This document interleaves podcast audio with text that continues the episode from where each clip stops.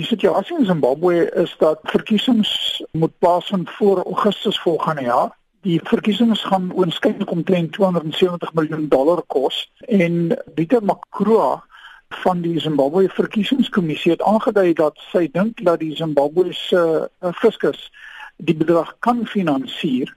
Nou die grootste komponent van hierdie bedrag kom uit die biometriese stemregistrasiestelsel wat Zimbabwe wil invoer. Zimbabwe gaan hierdie stelsel net gebruik vir die registrasie van kiesers, nie vir die stemproses self nie.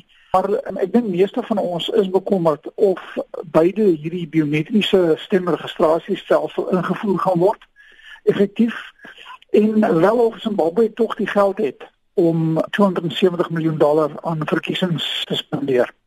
Wat sou die implikasie daarvan wees indien 'n verkiesing nie kan plaasvind teen die sperdatum van Augustus 2018 nie? Ek dink Zimbabwe sal wel een of ander manier kry om die verkiesings te laat plaasvind. Ons moet onthou dat uh, die groot koste is hierdie biometriese stemregistrasiestelsel. So hulle kan voortgaan uh, deur net eenvoudig die bestaande stelsel te gebruik wat 'n handstelsel is, maar daar is geweldige probleme met die met die bestaande stelsel. In byna elke onlangse verkiesing in Zimbabwe was daar beskuldigings teen die regerende party ZANU-PF dat hulle sou gekroek het en dalk meer stemme vir hulle self toegeëien het as wat hulle werklik gekry het. Ja, ek dink daar's geen aanduiding dat die 2018 verkiesings vrye en fair sal wees nie. ZANU-PF het alreeds in 2008 die uh, verkiesings verloor en uh, stelselmatig daarna deur intimidasie en ander metodes verseker dat hulle aanbewind kan bly. So ons gaan deur die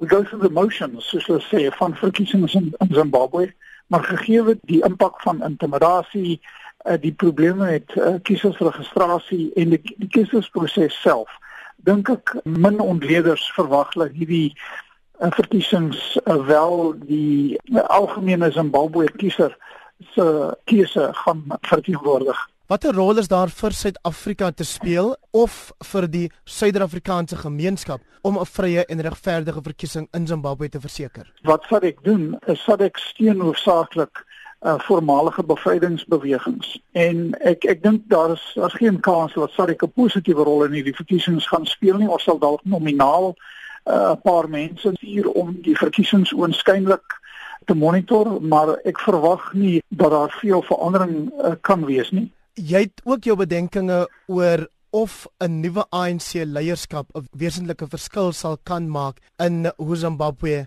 die 2018 verkiesing hanteer. Dit kan dalk 'n dramatiese impak hê oor hoe Suid-Afrika optree elders in die, in die in die streek, maar um, ek sal nie eintlik my asem ophou uh, daarvoor nie.